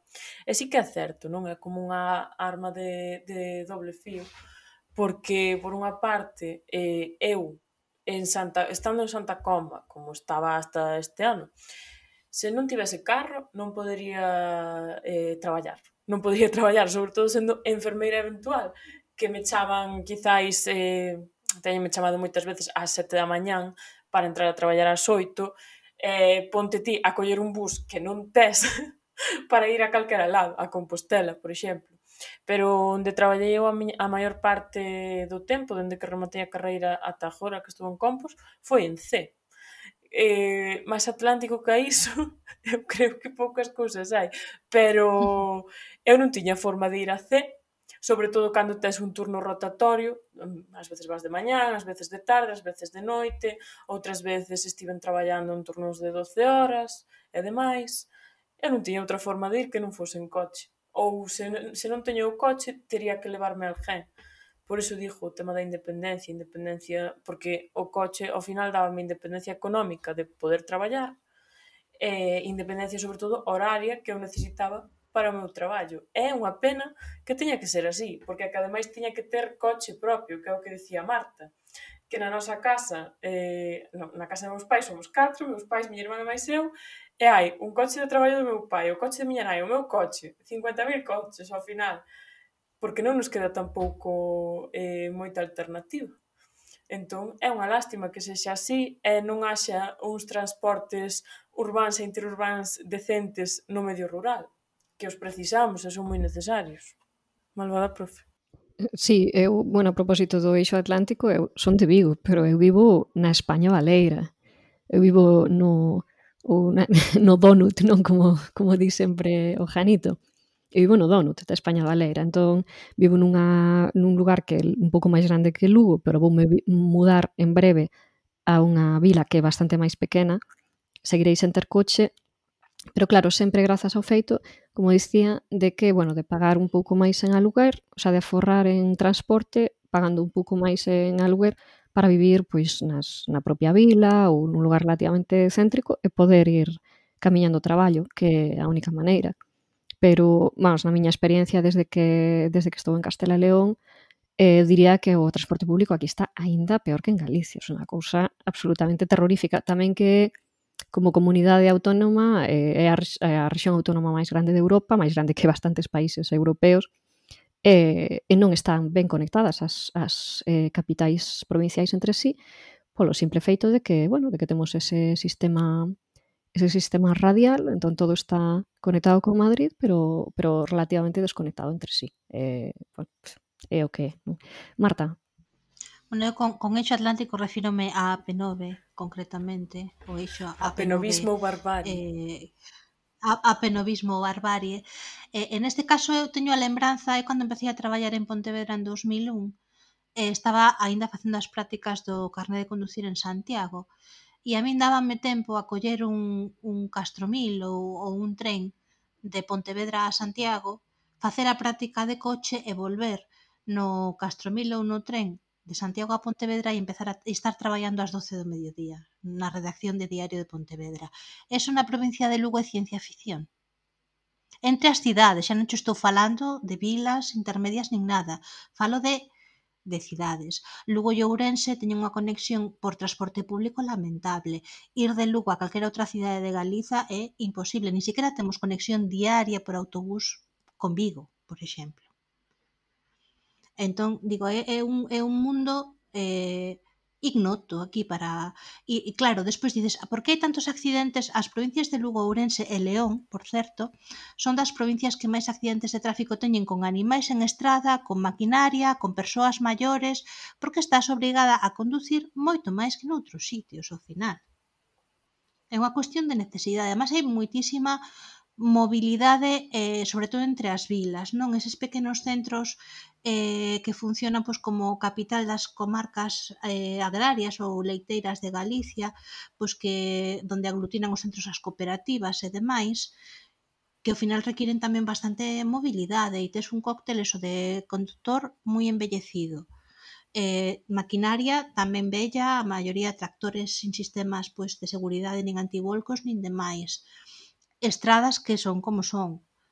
E, e, e todo final pois é un, un mundo pois no que no que tamén eh, estás moito máis exposta a ter un accidente de circulación ao longo da túa vida. Eu, ao fillo todo isto que estivamos falando toda, todo o programa, é unha cousa que non se comentou moito, falouse de camiñar, non se falou para nada da bicicleta. Eu creo que é unha, mesmo nas cidades, eh, bueno, en Vigo igual un pouco menos, Pero na Coruña eh, hai uns anos, cando traballaba no centro, vivo nun barrio que está na entrada da Coruña. Traballei durante varios anos no centro da Coruña e eh, aproveitaba para utilizar as bicicletas públicas primeiro, despois unha bicicleta particular, para ir, para ir en bicicleta ao centro. Agora eh, que traballo mm, no extra bueno, traballo nun, nun polígono, entre polígonos, Ahora é moito máis complicado ir en bicicleta, primeiro que non hai non tiña opción da, da bicicleta pública, segundo que o tráfico é moito máis agresivo nesta zona, non me permite o mm, a viaxe que facía antes eh, para traballar. Pero bueno, que eh, xa non só camiñar, senón tamén a bicicleta podería ser unha, unha alternativa non para todo o mundo, pero sí para moitos cidadáns e cidadás eh, que poderían permitirse pola súa idade e eh, forma física e en bicicleta e entre outras cousas non non o fan, eu creo que pola agresividade do deseño do tráfico, das e do, das... do deseño das cidades e do Exacto. tráfico. Bueno, Lugo tamén é unha cidade moi costaleira para iso, eh? eh, é unha cidade con costas sí, pero, jorobadas, pero non me refiro só a iso, que, que non me refiro sí. só a... E depois está o tráfico, que non saben Claro, non me refiro só a iso, que tamén que efectivamente, refírome ao tema de como están diseñadas as rúas para eh, para os coches e non para os cidadáns. Quer dicir, ir en bicicleta é perigoso. Para a convivencia. Efectivamente, é perigoso. Mm. É perigoso. Eh, bueno, iso é o que non, non falamos. Si, sí, si, sí, eu teño eh, algunha amiga Eu teño algunha amiga que levaba incluso intentou levar os nenos na bici á escola e tal e desistiu polo medo que pasaba. Digo, desta xente que vive pois nas zonas máis así máis chás de Lugo, arriba na, na meseta, sabes? Unha vez chegada ao eixe de muralla e que intentou no, pois, co, cos nenos cando eran pequeniños leválos atrás na bici e pasaban tanto medo que decidiron, mira, prefiro sair pois 20 minutos antes leválos andando porque es que pasamos un paso un medo que non me rende tampouco porque a xente non está o sea, nin os conductores están educados non para convivir con outro tipo de de vehículos na, nas rúas, nin están as, as rúas o trazado urbano preparado tampouco. Eu creo que aquí tamén temos outro hándicap para o tema das bicicletas e o de andar a pé e demais, que quizáis noutros sitios non teñan tanto, é que é o clima. é o clima. En Compostela moitas veces, bah, sobre pero todo... Eu, eu, eu, eu iso non, mira, eu niso non estou de acordo, porque en, en Dinamarca ou en Finlandia ou en Alemania a xente vai en bicicleta e teñen climas moi terroríficos. E poden ir en bicicleta en Noruega, se pode ir en bicicleta en Lugo tamén. Eu creo que é un, é un tema tamén de habitualidade, que non, non, non temos ese, ese, ese costume, vamos a ver, eu teño que decir que eu si fose en bicicleta ao meu posto de traballo chegaría que tería que meterme na ducha e se tes que ducharte despois de, do traxecto para ir traballar non, non é mobilidade, é deporte claro e eso, pois, tamén. claro eu non, non teño esa opción eu non teño unha ducha, non, non teño unha forma física como para solventar as costas que me coinciden nesta zona pola que vivo eu andando si podo facelo. Algún día de brao ben me chega tamén. Digo que tamén tampouco viría mal o tema da o millor, pero pero vaya, tamén eu creo que é un tema de habitualidade. Si podes ir en bicicleta en Copenhague a, a 20 baixo cero, tamén poderías ir nunha cidade galega. Sí, eu non falo tanto do frío, senón máis no, da choiva, día... porque eh, non sei. Pero tamén lles chove, digo, nesta zona atlántica de Noruega e tal, tamén lles chove, lles neva.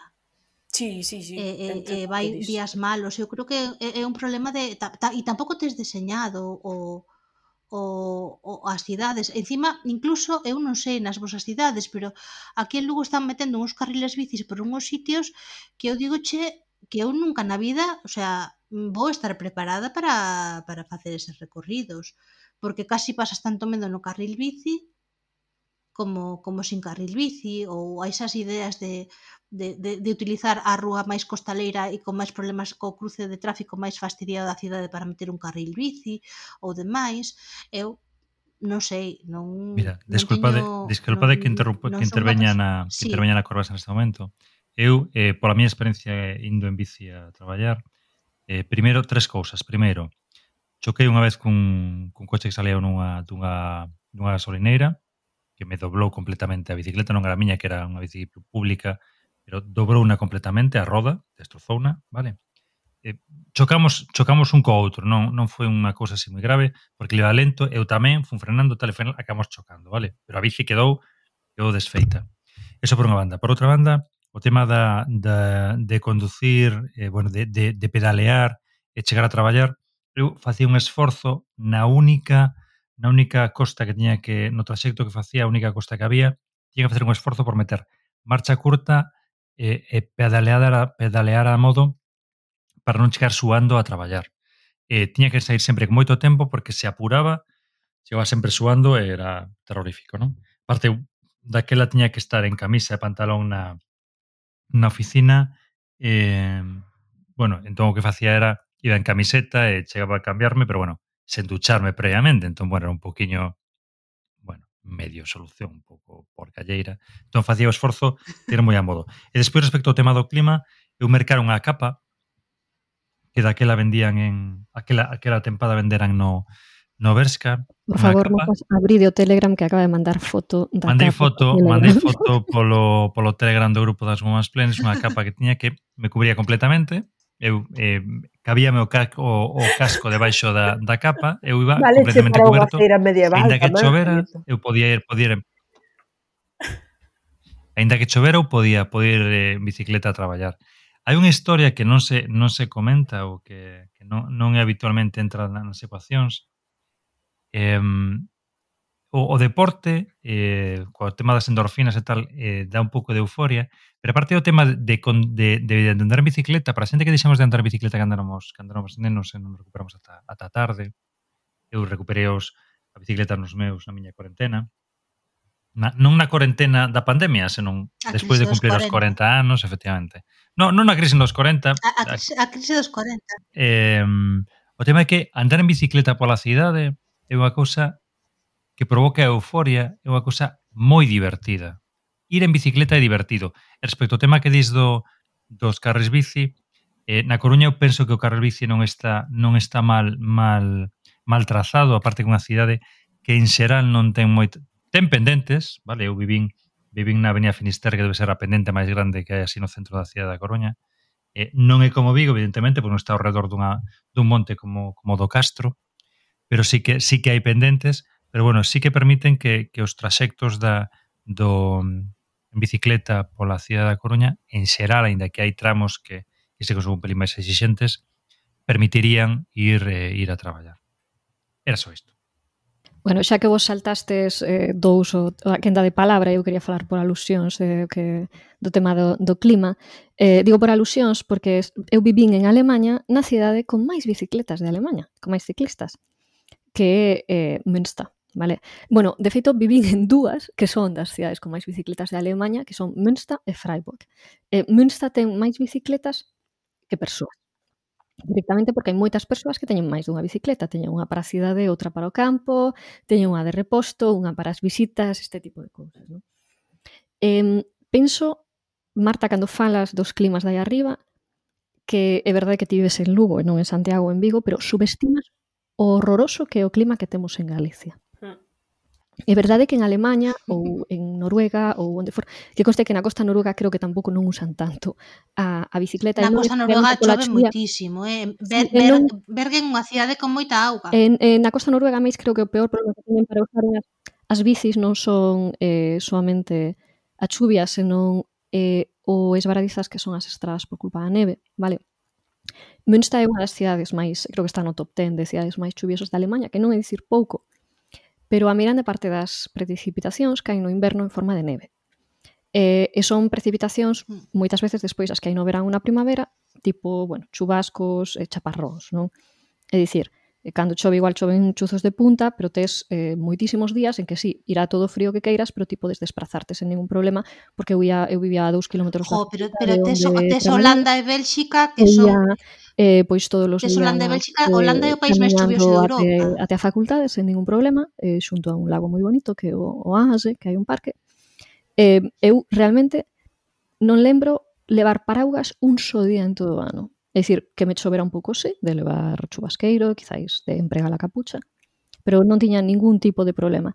Pola contra, en Santiago, a pesar de non ir andando ao traballo, porque, como se dicía, traballaba na Barcia, e aí xa tiña que camiñar eh, a beira da, da autovía de, de Noia, da, da estrada que vai para Noia, na autovía, non, perdón, da estrada de Noia, eh, collía, eu vivía no cruce de, de, de Sarco con a Avenida de Lugo, e tiña que ir até a Rosa, se sabedes onde está a Rosa, está esta costa que é ali na, no ensanche en Santiago para coller o, o, o coche de liña e solamente nese traxecto podía enxouparme de arriba abaixo, mesmo levando eh, e, e, a diario, quero dicir, de feito eu eh, este outro problema do que vou falar, Janito, que ti non te veches en conta, eh, te falabas da roupa, pero se és muller xa hai outros elementos, eu tiña que ir vestida de maneira formal, é dicir, tiña que levar zapatos, pois, ou bailarinas ou zapatos con tacón, pero un zapato de tipo formal, un Oxford, do que for, e non podía ir con iso pola rúa, porque só con ese traxecto, que igual era de menos dun quilómetro da miña casa até a Rúa da Rosa,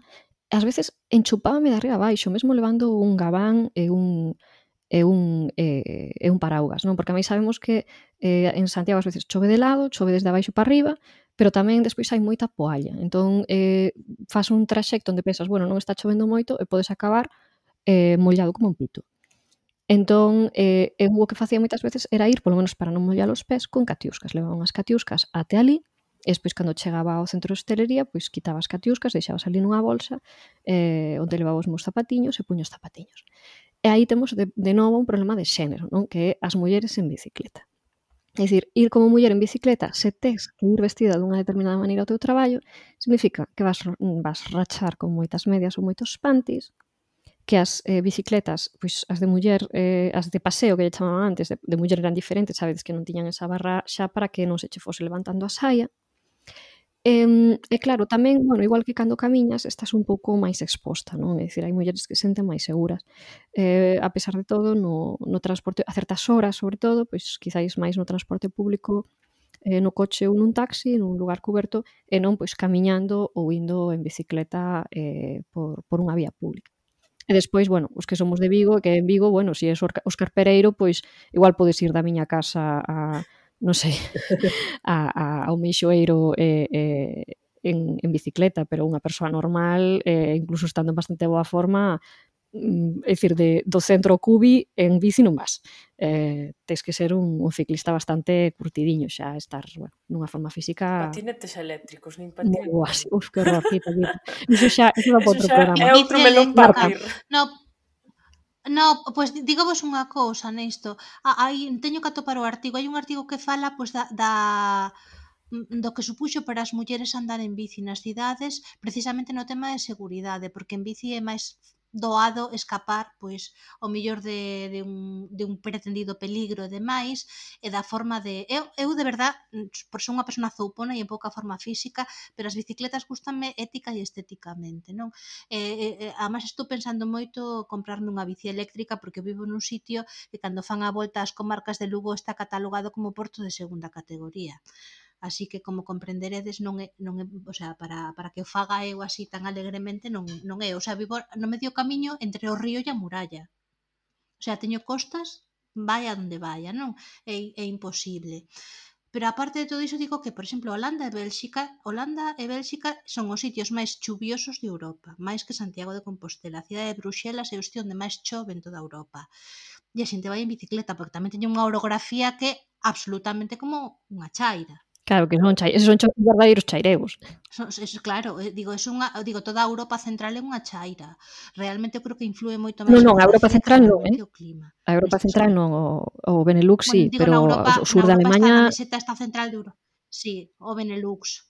Ah, pues sí, perdón, porque digo que... O sur de Alemanha no, pero o norte de Alemanha é bastante chao tamén. Sí, sí, sí. Eh, eu, de feito, son Münster, que está no norte de Alemanha, outro conto, pero claro, a, o sur de Alemanha, orográficamente, tampouco son os mellores sitios, que dicir, a Selva Negra, eh, que onde está Freiburg... Digo, pero, por, exe, por, por exemplo, o, o, Oslo e, e Bergen son cidades bastante costaleiras. Copenhague é outra chaira absoluta, mm. Estocolmo é unha chaira, Finlandia é unha chaira desde Helsinki hasta Rovaniemi é moito máis doado andar en bicicleta neses sitios. O sea, son bicicletas que non teñen nin frenos. A mí son fixis sin frenos. É que... Ya non, é que cando dixe Europa Central, eu penso o sur de Alemanha, eh, eh, Austria e eh, eh, República Checa. Entón, nos Alpes, nos...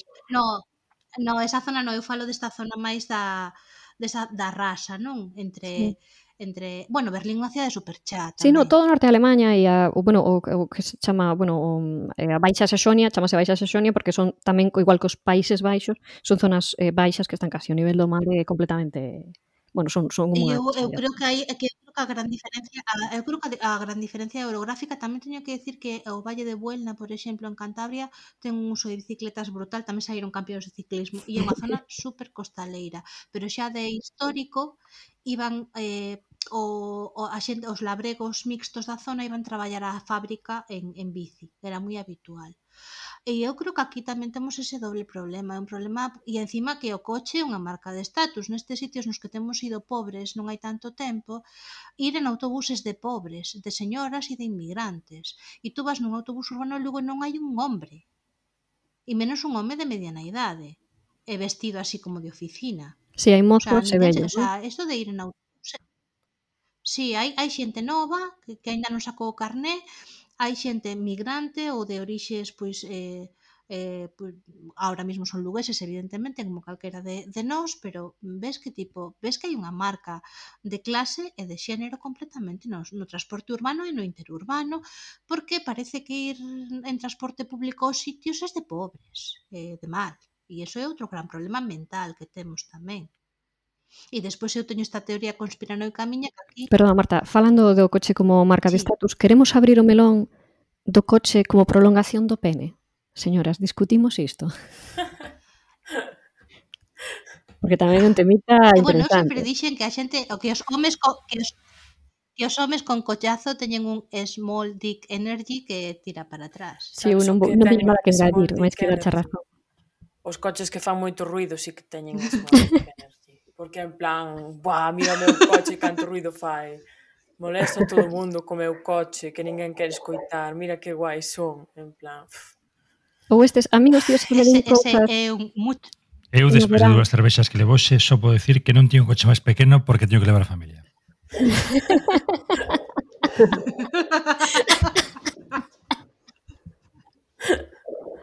Perdón, escacho.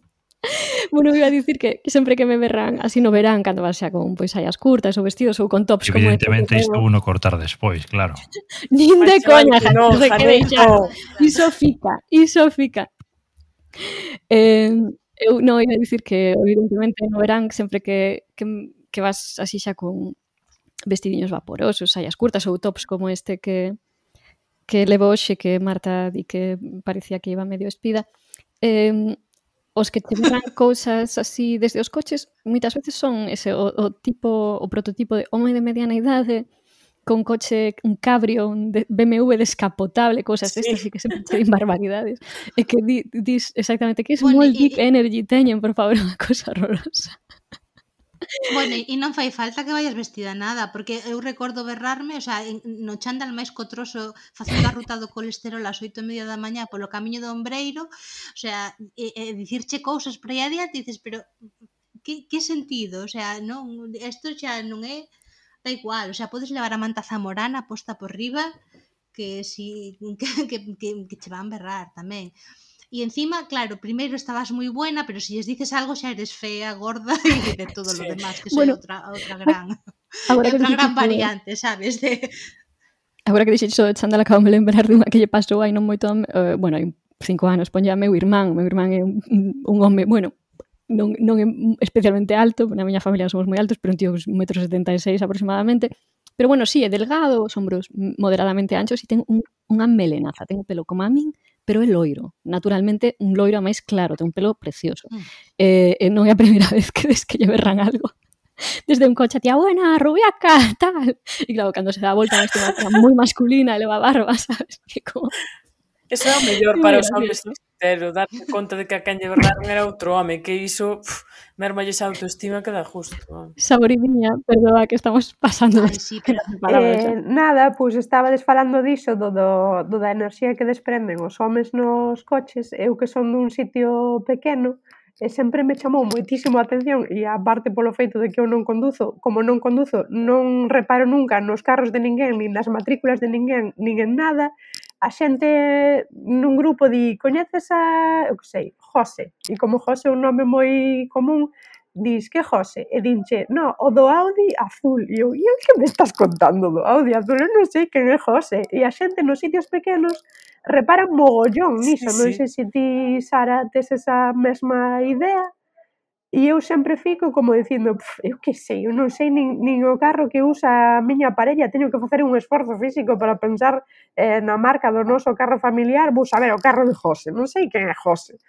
E despois estabades falando un pouco de como os carros eh, botan fora outros medios de transporte, falabades da bicicleta, por exemplo, na Coruña, um, hoxe poderíamos ter eh, os eléctricos, que son os tranvías, e ao final perdeuse toda a liña de tranvías por causa dos carros, non? Os carros deseñan moitísimo o chan da propia cidade. Estou pensando moitas veces en cando se anuncia que se vai facer unha rúa sen carros e a xente dos comercios di agora ninguén vai vir aquí comprar cando se deixas un tempo pasar é xusto o contrario eh, as persoas van máis comprar ás rúas Claro, e sempre bueno, están con esa mesma cantinela, non? En Padrón, na rúa onde eu me criei, tiraron os carros e agora as persoas eh, sí.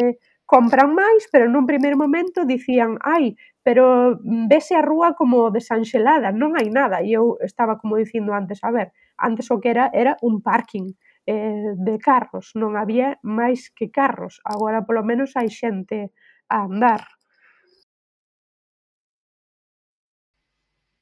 Uh -huh.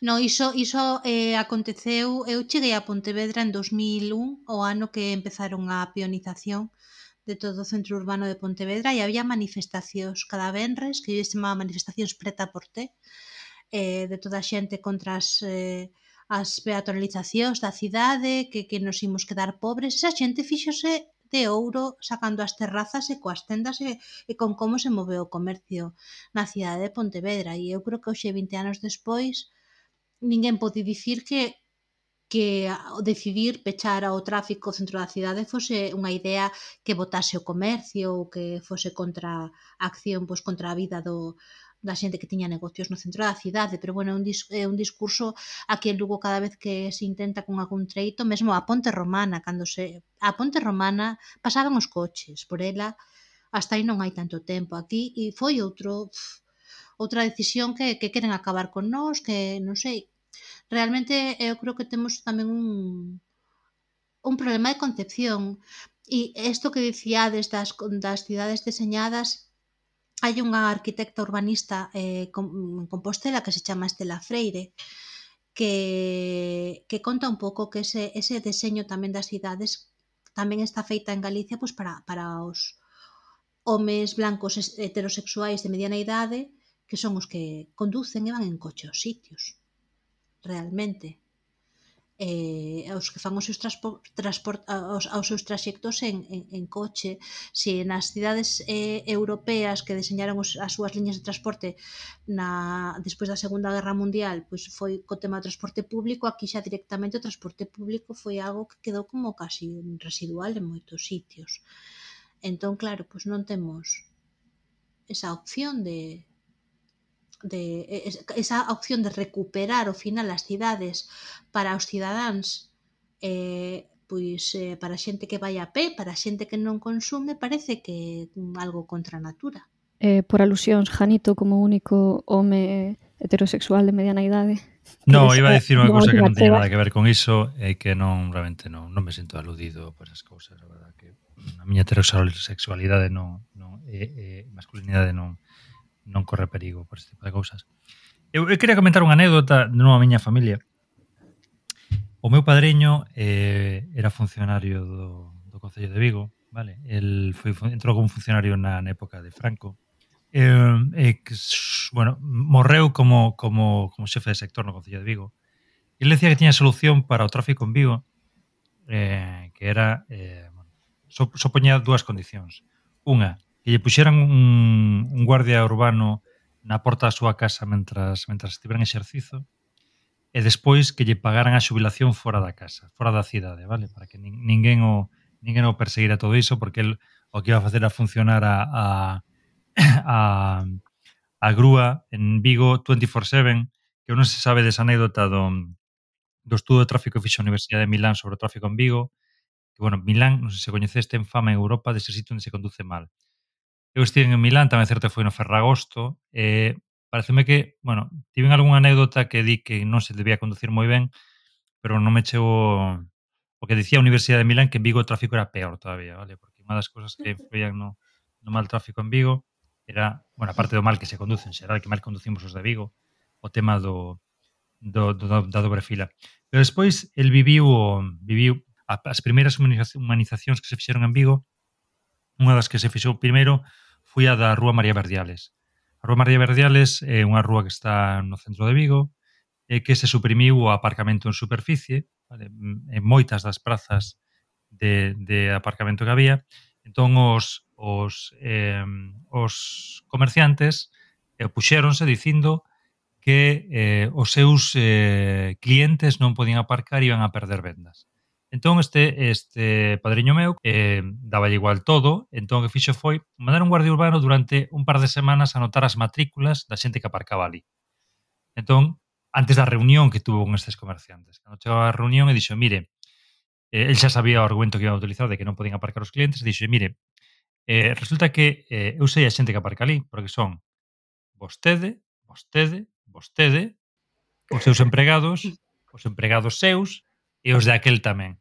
Entón, Sanxo o tema, a, eh, urba, humanizaron unha parte do unha parte do Parxuñezan, Parxuñezan Vigo dende a zona eh, de Manuel Núñez ata Gran Vía e humanizou iso e despois queixábanse a zona seguinte, o sea, inicialmente queixábanse de que humanizaran iso e despois despois de que humanizaran como aumentaran as vendas porque humanizar quitar os coches das rúas, aínda que sexa e o mínimo sempre favorece o tránsito da xente, a fainas máis amables, ao final o que pasou en Pontevedra é paradigmático, vale? pero hai exemplos máis pequeniños que tamén reflicten a mesma realidade.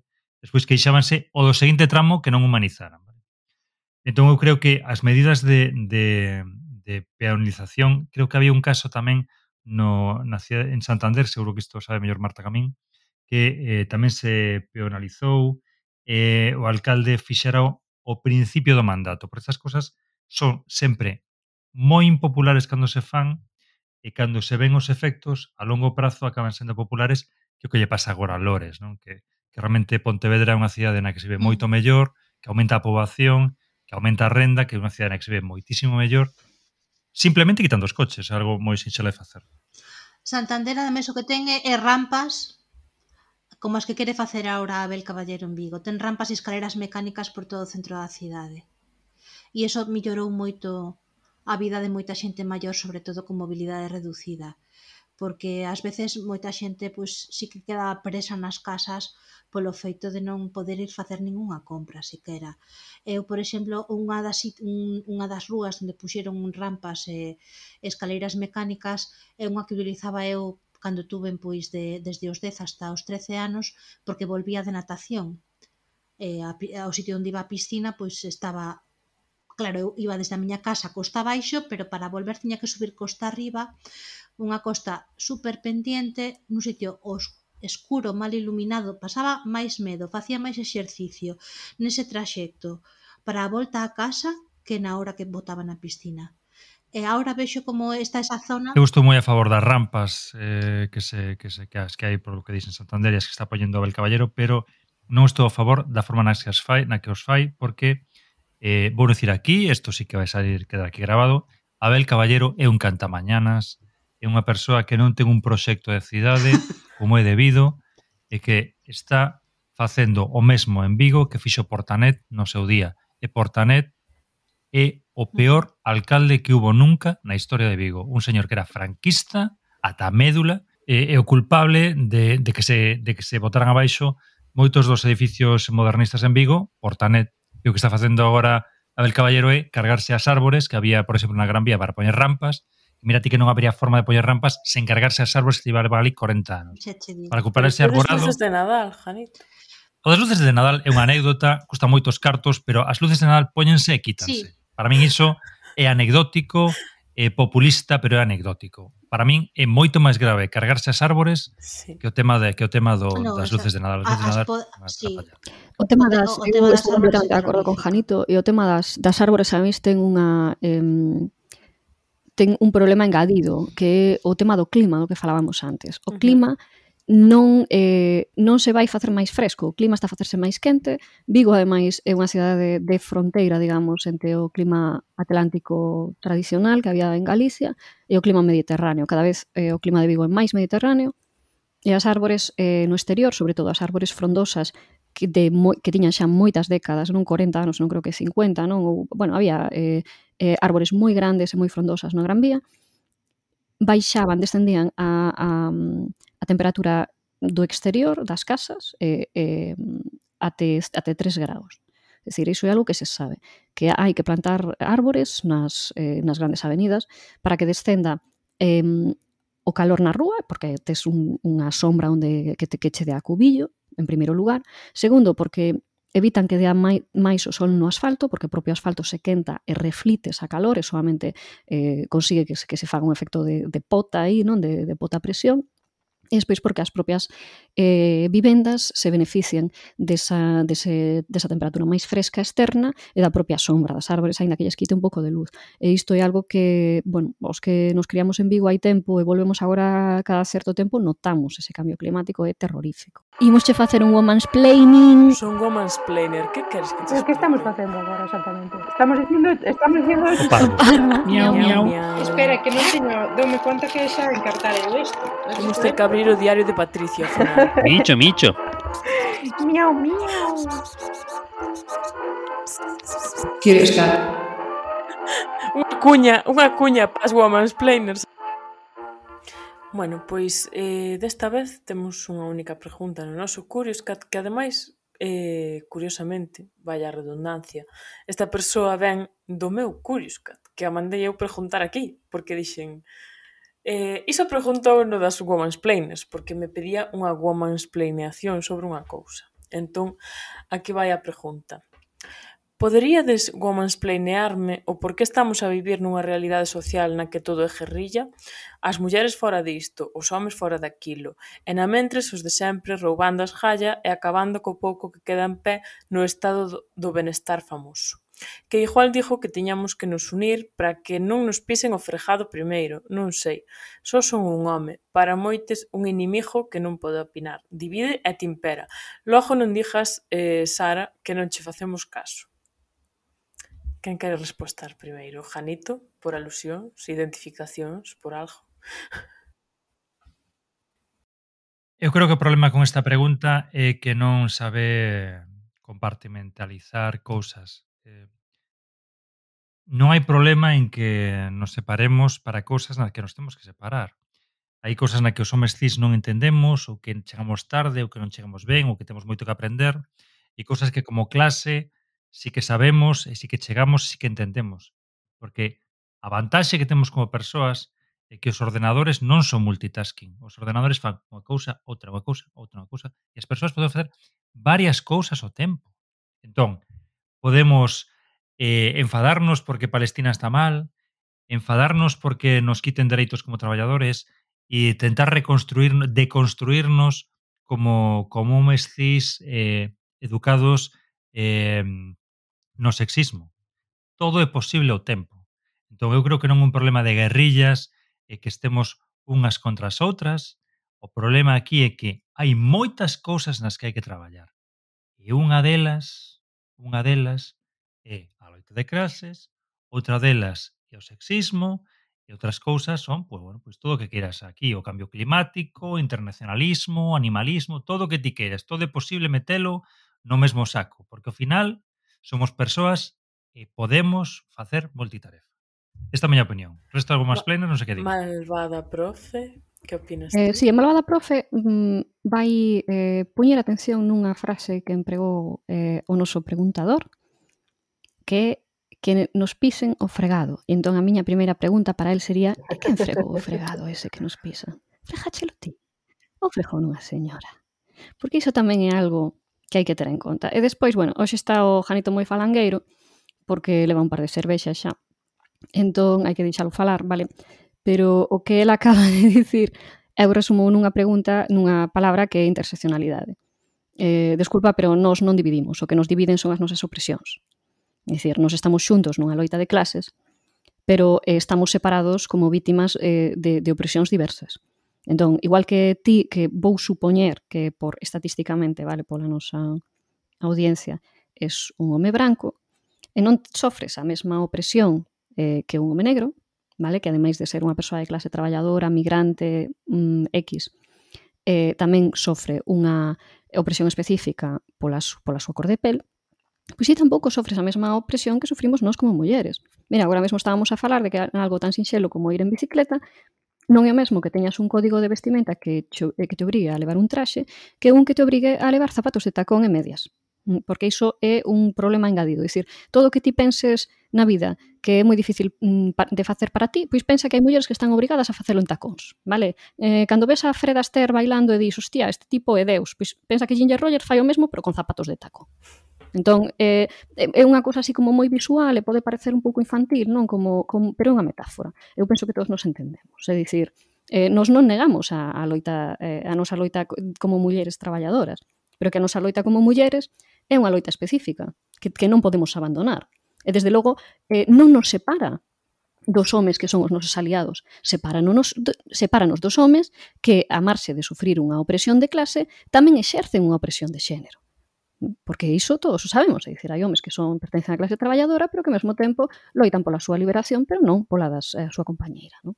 E iso é todo o que teño que dicir, Saboridiña estas cousas de non é o momento, agora debíamos de facer non sei que, porque estamos divididos, e bla, bla, bla, como estás ti, malvada profe, con metáforas, e penso que esta persoa debería un pouco seguir a metáfora ou o paralelismo da situación da lingua galega.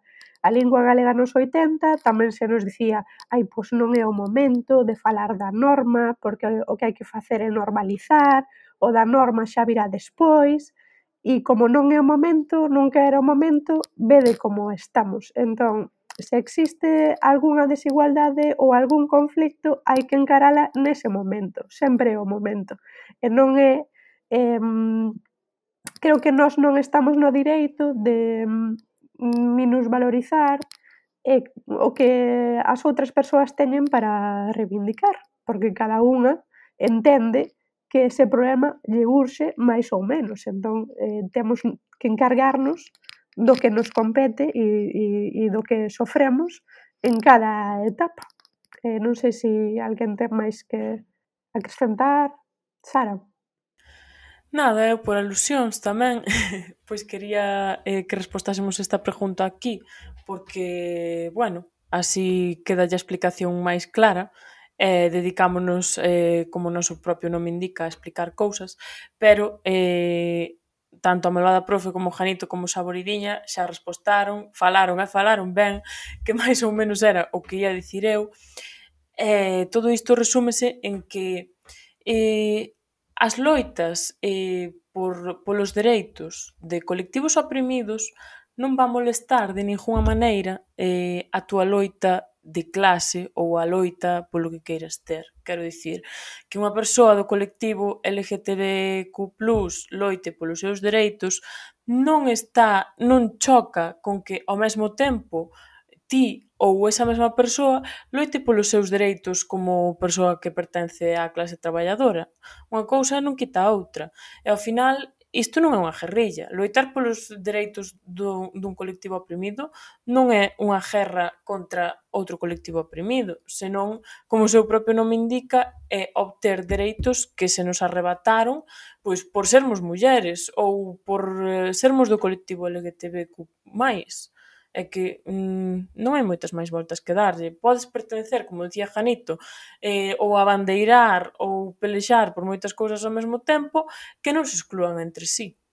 Entón, eh, basicamente, é iso. Espero que che quedase a resposta bastante clara con nos, ca nosa woman's planeación.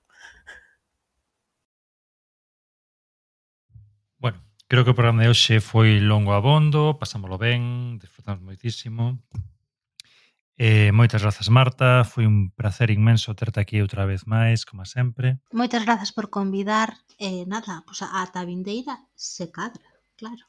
E se chamades. Que haberá, que haberá, que haberá moitas se queres ver. Moitas grazas, eh, malvada profe.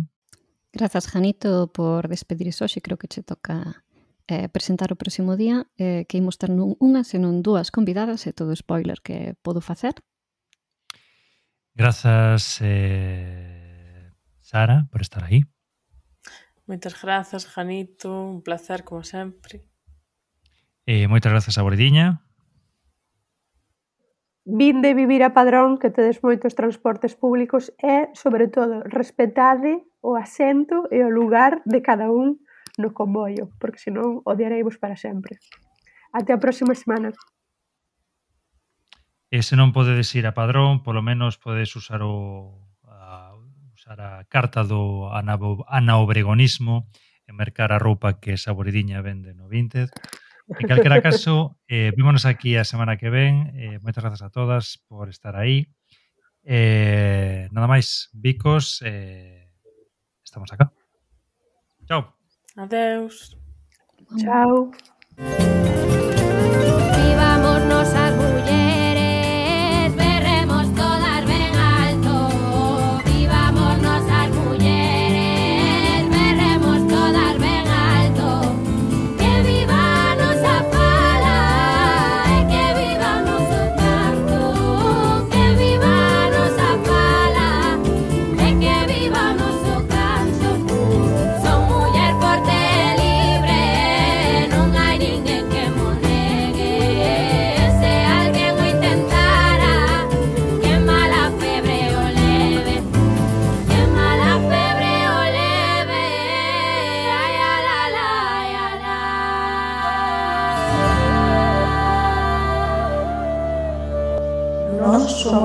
Spain.